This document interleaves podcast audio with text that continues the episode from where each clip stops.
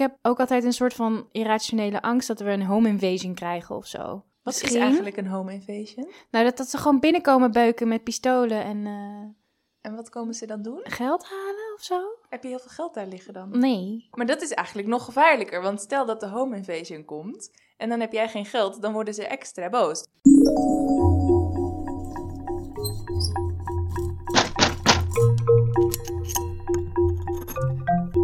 Al sla je me dood. Ik zag laatst een verhaal op het journaal over een man in Nederland die had zijn vriendin vermoord eh, in het holst van de nacht. En die beweerde dat hij dat deed terwijl hij slaapwandelde. Oh. In dit geval achten vier slaapdeskundigen en de rechtbank het verhaal ongeloofwaardig en hij is veroordeeld tot 15 jaar cel voor doodslag. Met doodslag is dus dat je het niet met voorbedachte raden hebt gedaan. Maar hoe lang moet je al iemand willen vermoorden voordat het dan moord wordt in plaats van doodslag? Is dat vijf minuten? Is dat een jaar? Is dat, moet je echt Oh, concrete goeie Google searchen of echt bewijs? Waarschijnlijk moet je bewijs vinden. Wat een goede vraag. Wat zegt de wet hierover? Ja, moet ik even gaan opzoeken. Ik ben namelijk geen echte journalist, dus ik weet het niet vanuit mijn hoofd en ik heb het ook niet super gegoogeld. Ik denk dat het, zeg maar, legaal gezien twee dingen zijn. Eén, dat je wel echt bewijs moet kunnen vinden waaruit blijkt dat iemand dit gepland heeft. Bijvoorbeeld, eh, how do I get rid of a dead body? Google searches of zo. En twee, dat er een duidelijk motief achter zit. Ja. Dus als je bijvoorbeeld iemand vermoordt voor het geld, dan, dan is dat, dat motief zorgt ervoor dat je dan dat gaat plannen. En dan doodslag is meer dat je gewoon in een fit of rage, je bent gewoon zo kwaad dat je dan ineens iemand vermoordt. Maar waarom is dat dan erger, zeg maar, dat je, als je het plant? Ik zou denken dat het andersom eigenlijk erger is. Als je jezelf niet in bedwang kan houden, dan ben je volgens mij een groter gevaar voor de maatschappij dan wanneer je gewoon heel zorgvuldig je dingen plant. Het kan ook te maken hebben met berouw, hè? Want als je dat iets doet zonder dat je daar, zonder dat je dat echt heel graag wilde, bijvoorbeeld. Als je gewoon in, je bent, je ziet zwart voor je ogen, je bent zo boos en eh, je blijft slaan, bijvoorbeeld. Dan kan je daar heel erg veel berouw van hebben achteraf. Maar als je echt denkt, oké, ik wil die persoon zijn geld, ik wil de erfenis, eh, ik ga hem vermoorden. Dan, dan weet je alvast, dan weet je al dat je die persoon dood wil. Ja, het is koelbloediger. Ja, Ik weet niet of ik dat erger vind eigenlijk. Dat straffen en mensen in de gevangenis stoppen, dat doen we toch omdat mensen een gevaar voor de maatschappij zijn. ja. En als je puur alleen daarnaar kijkt, dan is het een groter gevaar voor de maatschappij als iemand niet weet wanneer hij moet stoppen met, met, met hakken, met die bijl op iemand. Hmm. Nou, als er mensen zijn die luisteren die hier heel veel verstand van hebben, Ja, ja een advocaat of zo, een strafrechtadvocaat willen Ja. we even spreken. Ja, terug naar het verhaal, slaap. Oké, dus jij had iemand op het journaal gezien en die slaapwandelt. Nou, die had dus gezegd dat hij zijn vriendin had vermoord terwijl hij slaapwandelde. Ja. En in dit geval vond de Nederlandse rechtbank en een aantal slaapdeskundigen die vonden dat het niet geloofwaardig was. Dus hij werd veroordeeld tot doodslag, 15 jaar cel. Maar toen vond ik dat zo intrigerend dat ik dus in een soort van Google-gat terecht kwam over slaapwandelen en wat je, kan je echt iemand vermoorden terwijl je slaapwandelt? Word je daar niet wakker van? In ieder geval, toen stuitte ik me toch op een bizar verhaal Oh. ik vond het zo, zo vaag. Dus pak een kopje thee erbij of zo, want dit is het bizarre verhaal van Kenneth Parks.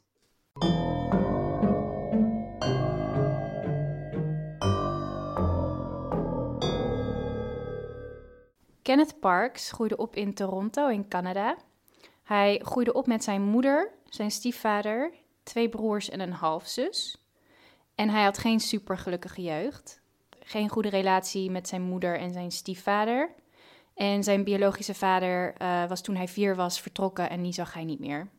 En al sinds hij een heel klein kind was, had hij last van slaapwandelen. Dit zat in zijn familie, want zijn opa was ook een hele beruchte slaapwandelaar. En schijnbaar kon zijn opa dus hele maaltijden koken in zijn slaap en daar de volgende dag niks meer van afweten. Wauw.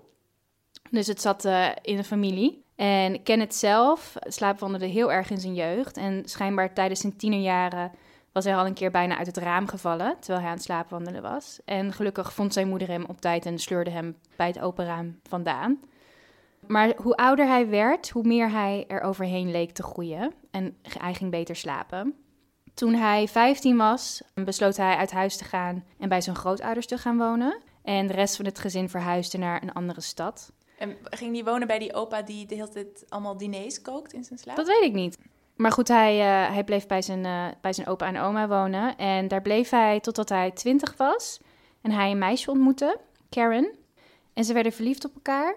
En ze trouwden al heel snel, toen ze 21 waren, of toen, toen Kenneth 21 was. Eh, en ze kregen al heel snel daarna een dochter. En ze gingen wonen in Pickering, vlakbij Toronto. En zowel Karen als Kenneth, die werkten super hard. En Kenneth had dus eh, totaal geen relatie meer met zijn eigen familie, maar hij werd heel erg om, omarmd door Karen's familie. En vooral zijn schoonmoeder Barbara, daar was hij super close mee. Kenneth was heel erg lang, hij was ehm, six foot five, dus dan had ik even moeten opzoeken hoe lang dat is. Maar dat klinkt heel lang, want volgens mij is six foot is al heel lang, toch? Ja, Dus six foot five is super lang. Six foot five is 1 meter 95 en een half. Maar Barbara noemde hem dus een gentle giant. Dus Oh, een zachtaardige reus. Ja, zijn schoonmoeder.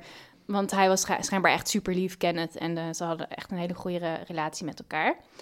En dat klinkt allemaal koek en ei. En Ja, alsof, klinkt heel gezellig. Ja, klinkt heel gezellig. En alsof Kenneth het gewoon na een, een moeilijke jeugd toch weer lekker in een warm bad is gevallen. Maar Kenneth had wel een stiekem een geheim en een probleem. Oh, shit. Namelijk dat hij een enorm gokprobleem had. En dat had hij niet meer onder controle. Hij was heel erg van het paardenracen. Ja, dat- dat je dan gaat wedden welk paard wint, Ja. moet je dan doen, toch? Ja. dat is echt een heel cool ding, schijnbaar. Maar het werd dus een heel ernstige verslaving. En hij was echt duizenden dollars daaraan kwijt. En deed hij alleen met de paarden of ook nog bijvoorbeeld op gokautomaten of ehm, andere soort weddenschappen? Weet ik niet. Paarden denk ik alleen Vooral maar. de paarden. Ja, Oké, maar oké, hij ging en hij ging dus een soort van dat allemaal stiekem doen en zijn vrouw wist dat ook niet dat Nee. hij dan ging gokken. Nee, hij had al hun spaargeld van, van hem en Karen had hij helemaal opgemaakt. En zelfs toen dat helemaal op was, lukte het hem niet om te stoppen. En toen ging hij lenen bij een, een loan shark. Ehm, dat en dat niet is, goed. Wat is dat? ja, dat is een soort van loesfiguur ehm, die mensen allemaal geld leent en dan daar heel veel rente op terugvraagt. En die komt je kinderen waarschijnlijk vermoorden als je niet op tijd terugbetaalt. Ja, ja, zeg maar dat soort, eh, soort van beeld heb ik inderdaad ook. eh, misschien een beetje getekend door Hollywoodfilms, maar... En daarna was het nog niet genoeg voor Kenneth. En toen stal hij 32.000 dollar van zijn werkgever. En hoe kon het dat hij zo lag daar dan zomaar 32.000 dollar in de kluis? Ja, dat had hij zo? soort van gefraudeerd. Hij had het in ieder geval niet heel erg eh, goed gedaan, want zijn werkgever kwam, daar, kwam daarachter. Al vrij snel. Maar goed, de stress liep enorm op bij Kenneth en de rest van het gezin. Want Karen die kwam er ook achter dat al hun, niet alleen al hun spaargeld op was, maar dat ze enorme schulden hadden. Mhm. En Kenneth kreeg heel erg last van slapeloosheid en anxiety en nervositeit. En gewoon alle stress werd gewoon superveel voor hem. En toen ook vooral, toen zijn dochter geboren werd, werd het echt een kreeg hij echt een slaapprobleem. Want baby's kunnen moeilijk zijn met slapen.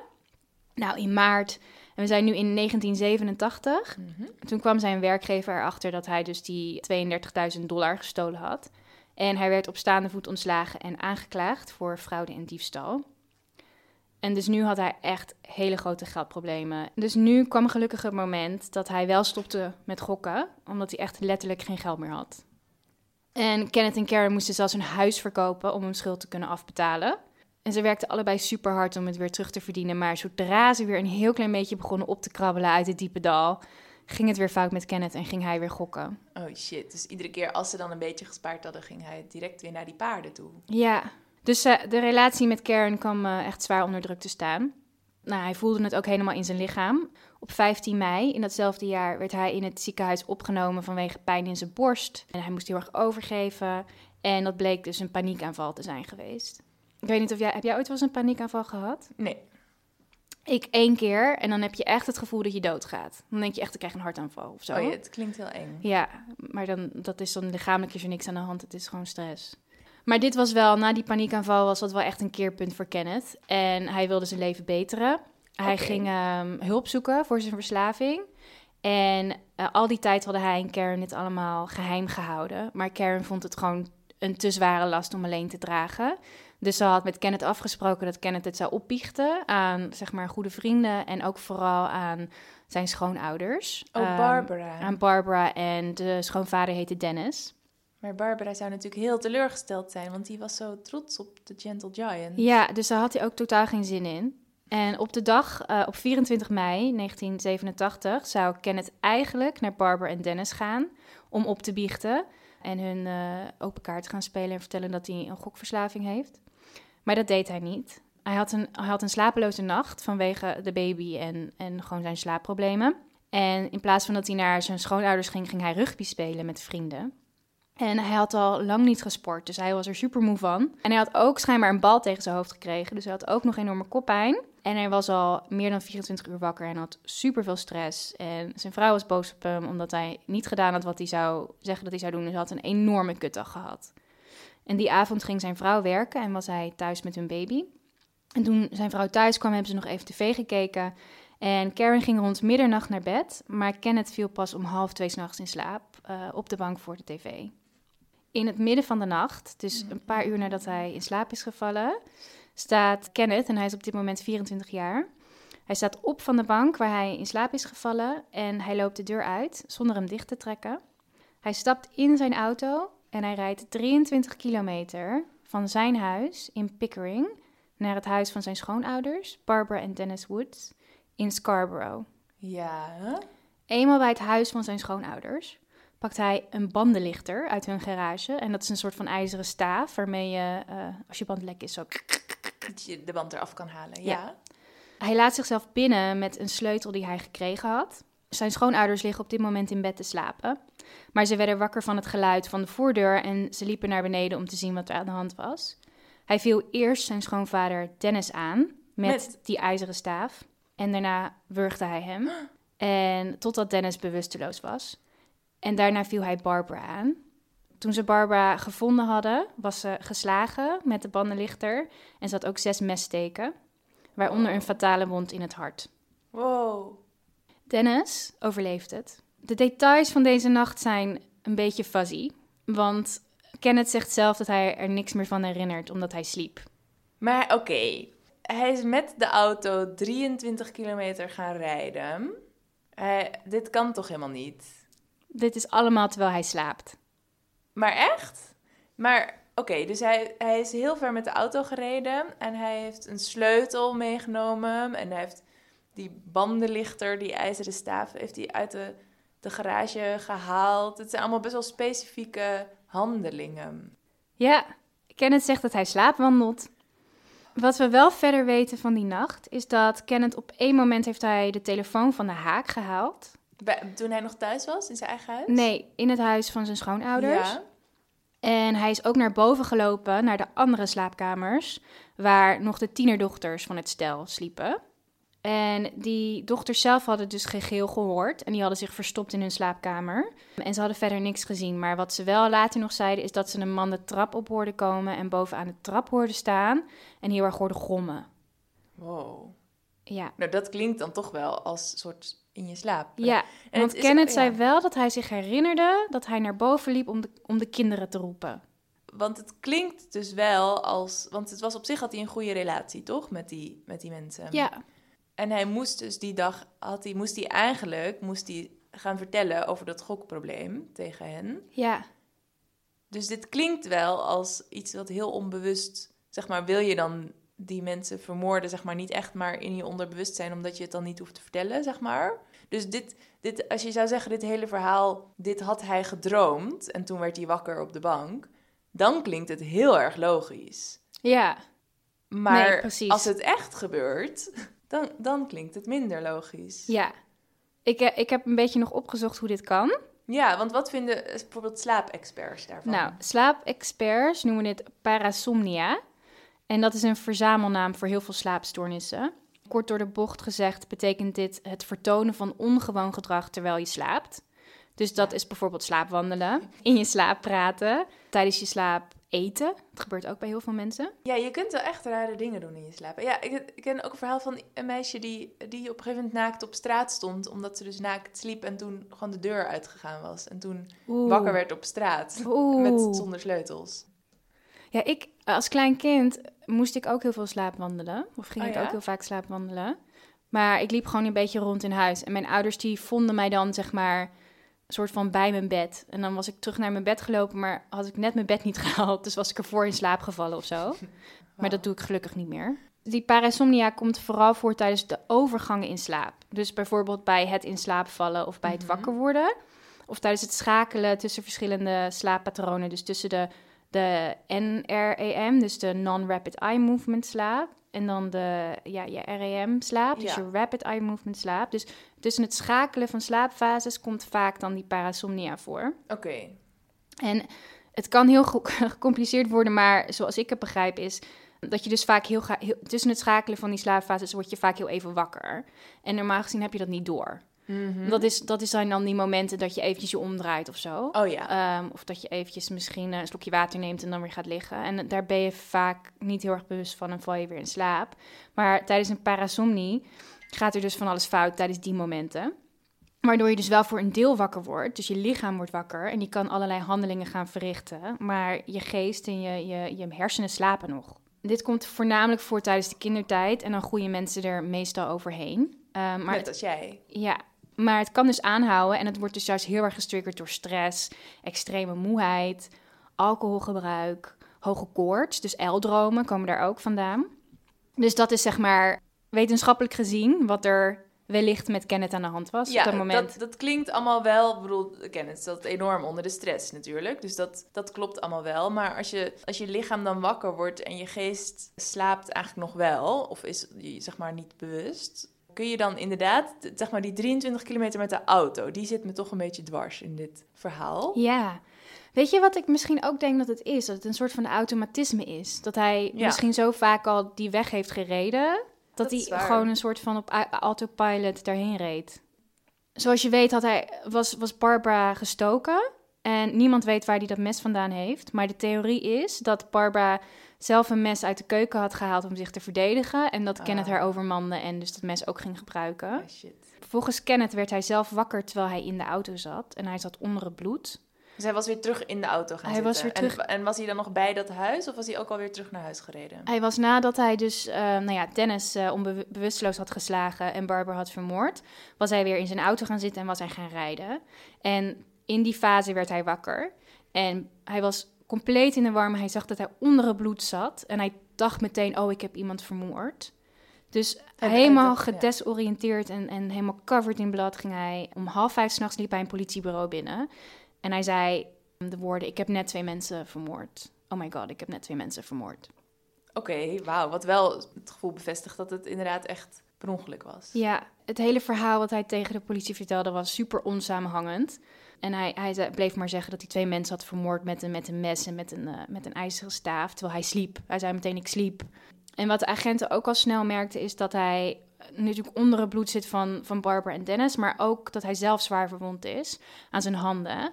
En vooral de pezen in zijn vingers zijn doorgesneden. Dus zijn vingers hingen er gewoon echt zo half af. En het was echt een, een hele gruwelijke verwonding, die echt super veel pijn deed. En daar had hij ook in zijn slaap niks van gemerkt. Waarschijnlijk had hij dat was, had Barbara zich verdedigd met dat mes en dan had hij gewoon dat mes zo gepakt in het scherpe stuk. Ja, dat denk ik ook, inderdaad. Want een normaal mens zou nooit een mes zo pakken, zo in het mes. Nee. Nee, maar dit is, dit is raden, want niemand weet, Kenneth weet ook niet precies wat er gebeurd is. En er waren geen ooggetuigen. En Maar het wordt er wel geloofwaardiger van, zeg maar, dat Ja. hij echt aan het slapen was. ja, en vooral ook dat zo'n enorme verwonding hem niet wakker maakt. Of dat hij dan niet stopte. Of Mhm. dat hij gewoon doorging daarmee is ook heel raar Ja, eigenlijk. dat verzin je ook niet Nee. zo om te doen. Nou ja, hij werd naar het ziekenhuis gebracht en hij werd geopereerd aan zijn hand. En hij werd ook gearresteerd en aangeklaagd voor moord eh, op Barbara en poging tot moord op Dennis. En omdat hij dus zo vasthield aan het ik, sla ik was aan het slaapwandelen verhaal, kreeg hij verschillende psychologische en neurologische testen. En die lieten allemaal zien dat hij geen onderliggende psychische aandoening had. Dus hij had geen last van schizofrenie of ehm, hij had ook geen drugs gebruikt, kwam uit een, een bloedtest tevoorschijn. Dus het- eigenlijk was hij gewoon een soort van kerngezond. En in de gevangenis ging hij schijnbaar gewoon door met slaapwandelen. Ja. Eh, zijn celgenoten zeiden dat hij vaak midden in de nacht rechtop in bed zat. En dat hij heel erg in zijn slaap praatte en door de hele cel wandelde en zo. Dus hij, hij ging gewoon door. Maar wa- want wacht even, hij werd dus veroordeeld. Of- Nee, hij was aangeklaagd. Oh, en toen zat hij in de cel. Ja, precies. Dus hij, hij ja. werd naar het ziekenhuis gebracht en geopereerd. En toen daarna werd hij naar de cel gebracht. Ja, nou, en na een jaar begon de rechtszaak tegen hem. En hij claimde dus onschuldig te zijn en dat hij ontoerekeningsvatbaar was door het slaapwandelen. Dus dat hij niet schuldig was, omdat hij gewoon niet wakker was. Ja, omdat hij het niet bewust had gedaan. Ja, dit heet, ik heb het helemaal opgezocht, want we zijn natuurlijk in Canada, dus het is het Canadese recht. In het Canadese recht heet dat automatisme. En dan kan je mensen niet schuldig bevinden aan een misdaad, omdat ze cognitief niet bewust waren van wat ze aan het doen waren. Dus wat je zegt, eh, inderdaad. Oh. Dus er zijn twee verschillende soorten automatisme volgens het Canadese recht. En dit is heel anders in Nederland, maar Mhm. in Canada toen der tijd was het... Je hebt insane automatisme en dat is gedreven door psychische problemen. Eh, bijvoorbeeld schizofrenie of andere gezondheidsproblemen. En daarvoor kan je een soort van not guilty for reasons of insanity claimen. Dus dan kan je zeggen, ik ben ontoerekeningsvatbaar omdat ik psychische problemen Ja. heb. En dan kan je dus wel veroordeeld worden, maar dan is je straf dus dat je in een psychiatrische inrichting een behandeling moet ondergaan. Totdat je weer gezond bent op een punt. Omdat Ja. je weer terug kan keren naar de samenleving. En dan heb je ook sane automatisme. En dat is bijvoorbeeld dus als je een hersenbeschadiging hebt, of als je neurologische aandoeningen hebt, of zoals slaapwandelen, dan kan je vrijgesproken worden. Oh. Dus dan hoef je helemaal niet de gevangenis in, je hoeft geen behandeling te Hoef ondergaan. je ook niet, je zou zeggen, dan moet je een behandeling voor dat slaapwandelen. Dat zou je zeggen, maar dat was het volgens het Canadese recht. Ik heb het ook in Nederland opgezocht. Ja, hoe zit het hier? Ja, wij hebben gewoon ontoerekeningsvatbaar. Je bent volledig ontoerekeningsvatbaar of verminderd toerekeningsvatbaar. En dat is dan ongeacht waardo- waardoor dat komt. Zeg maar. Ja. Dus of, het nou, of je nou schizofrenie hebt of, of eh, dus slaapwandel bijvoorbeeld, dat maakt dan niet veel uit. Er wordt gewoon ge- ge- geclassificeerd of je echt, zeg maar, nou ja, als jij een soort van een psychose hebt, ben je volledig ontoerekeningsvatbaar. Dan was je er gewoon niet bij. Maar als je verminderd ontoerekeningsvatbaar is, hoe noem je dat? Verminderd toerekeningsvatbaar. Dat is dan bijvoorbeeld als jij een klap op je kop hebt gekregen, waardoor je een blackout kreeg of zo. Ah ja, en als je alcohol of drugs gebruikt hebt? Nou, in Nederland, als je alcohol gebruikt hebt, ben je volledig toerekeningsvatbaar. Dus dan kan je nooit claimen dat je niet wakker was of dat je te dronken was, dat je niet meer weet wat je doet. Terwijl dat Volgens- is wel zo. Dat, dat is wel zo, maar volgens het Nederlandse recht kan jij niet alcohol als een reden geven dat je niet schuldig bent. Oké, het is misschien ook wel handig dat dat niet kan, want dan zou je dat gewoon de hele tijd kunnen zeggen. Ja, nou ja, ergens vind ik het wel, want het, het nemen van alcohol en zo dronken worden dat je niet meer weet wat je doet, is een keuze. Wat nou als je gedrogeerd bent? Dan, als iemand iets in Hmm. je drankje doet, dan ga je misschien ook daarna wel per ongeluk iemand vermoorden. Terwijl je Ja. niet wil, dan heb je niet zelf gekozen om Ja. dat te nemen. Ik vraag me af hoe vaak dat voorkomt. En ik heb het ook te doen met de rechters en de, de aanklagers die hier die keuzes over moeten maken. In, welke, in welk Ja. vakje valt het? Maar terug naar Canada. Ja, terug naar Canada. Oké, dus daar bestond eh, een mogelijkheid dat hij, omdat hij slaapwandelde, vrijgesproken kon worden. Ja, en daar ging dus die hele rechtszaak over. Over is dit een sane automatisme? Is dit echt slaapwandelen? Eh, is dit gewoon een fysiek probleem? En kan Kenneth vrijgesproken worden? Of wat de aanklagers vonden, is dat hij insane automatisme heeft. Dus dat hij gewoon een behandeling moet ondergaan en dat hij opgenomen moet worden in een psychische inrichting en celstraf misschien hoort te krijgen. Dat hij in ieder geval toch verantwoordelijk was daarvoor. Maar niemand zei, hij heeft dit gewoon verzonnen van dat slapen. Ja, dat vonden de aanklagers eigenlijk ook. Wat zeg maar de verdediging heel erg moest aantonen, is dat dit dus sane automatisme was. Dus dat het echt gewoon puur slaapwandelen is. En van slaapwandelen alleen kan je iemand vermoorden. En daar waren ze succesvol in. En ze hadden vijf verschillende experts. En die kwamen getuigen en die legden allemaal uit dat Kenneth door die combinatie van stress, oververmoeidheid, zijn geschiedenis van slaapwandelen, het feit dat in zijn familie ook werd geslaapwandeld, dat hij na die rugby-sessie dus die bal tegen zijn hoofd had gekregen en daar ook nog hoofdpijn van had. Dat het allemaal gewoon een recipe voor disaster was voor Kenneth. En dat hij slaapwandelde. En ook die heel erg pijnlijke wond aan zijn hand was ook vrij overtuigend. Dat hij dus echt gewoon niet cognitief aanwezig was terwijl hij die, ehm, eh, die mensen vermoordde. Ja, die, die handwond was voor mij ook wel eigenlijk de doorslag dat ik het geloofde. De jury overlegde negen uur. En ze kwamen met een volledige vrijspraak voor Kenneth. eh, Voor de moord op zijn schoonmoeder Barbara Woods. En ook voor de poging tot moord op zijn schoonvader Dennis Woods. De aanklager ging nog in een hoger beroep, maar verloor dat ook. Weten we ook nog hoe het verder met, daarmee met hem gegaan is? Ik neem aan dat hij gescheiden is. Ja. Ja, ik heb eventjes moeten googlen. Maar inderdaad, na zijn vrijspraak heeft hij wel gepoogd nog het slaapwandelen onder controle te krijgen. Met verschillende medicaties en therapieën.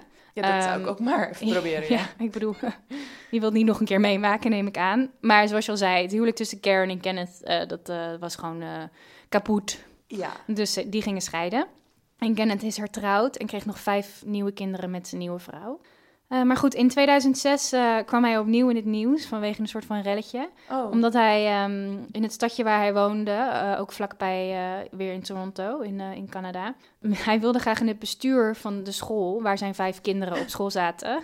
ja. En de community die had zoiets van, jongens, hallo, weten jullie dat hij iemand vermoord heeft? Ja, Ik heb niet zoveel zin dat die man in het bestuur van de school komt. logisch. Ehm, dus toen waren er een aantal relletjes over en hij, hij kreeg inderdaad ook niet die rol, die baan.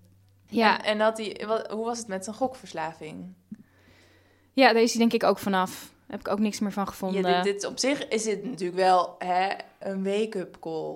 Wat ik wel gevonden had inderdaad, is dat hij wel eventjes ehm, moest herstellen daarvan. Wat zielig. Ja, ontzettend zielig. En, En ook heel erg zielig voor Karen. Ja, voor iedereen eigenlijk. Ja. Maar, maar dus ook wel echt voor hemzelf. Want Ja. hij kan dus de rest van zijn leven ook... Hij kan niet... Zeg Hij kan niet zomaar meer in het bestuur van een school. Bijvoorbeeld. Maar goed, in ieder geval, het kan. Je kan mensen vermoorden terwijl je volledig slaapt.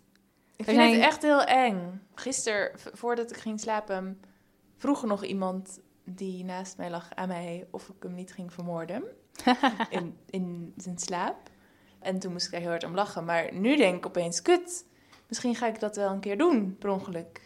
Ik was echt een beetje freaked out nadat ik dit allemaal onderzocht had. Want ik slaap verschrikkelijk slecht. Ja, want slaapwandel jij nog wel eens. Ik slaapwandel niet, gelukkig. Maar ja, ik heb, een, ik heb een kind dat dus niet zo goed slaapt. Ben je nu bang om door je kind vermoord te worden? Nou, nee, maar ik ben gewoon wel bang omdat ik dus zo oververmoeid ben. Dat ik ook misschien... En ik heb een historie van slaapwandelen. En je denkt ook heel vaak na over, over moorden, omdat je de hele tijd alles moet lezen voor deze podcast. Ja, en ik droom heel levendig. Oh, dit is een beetje gevaarlijk. Mm.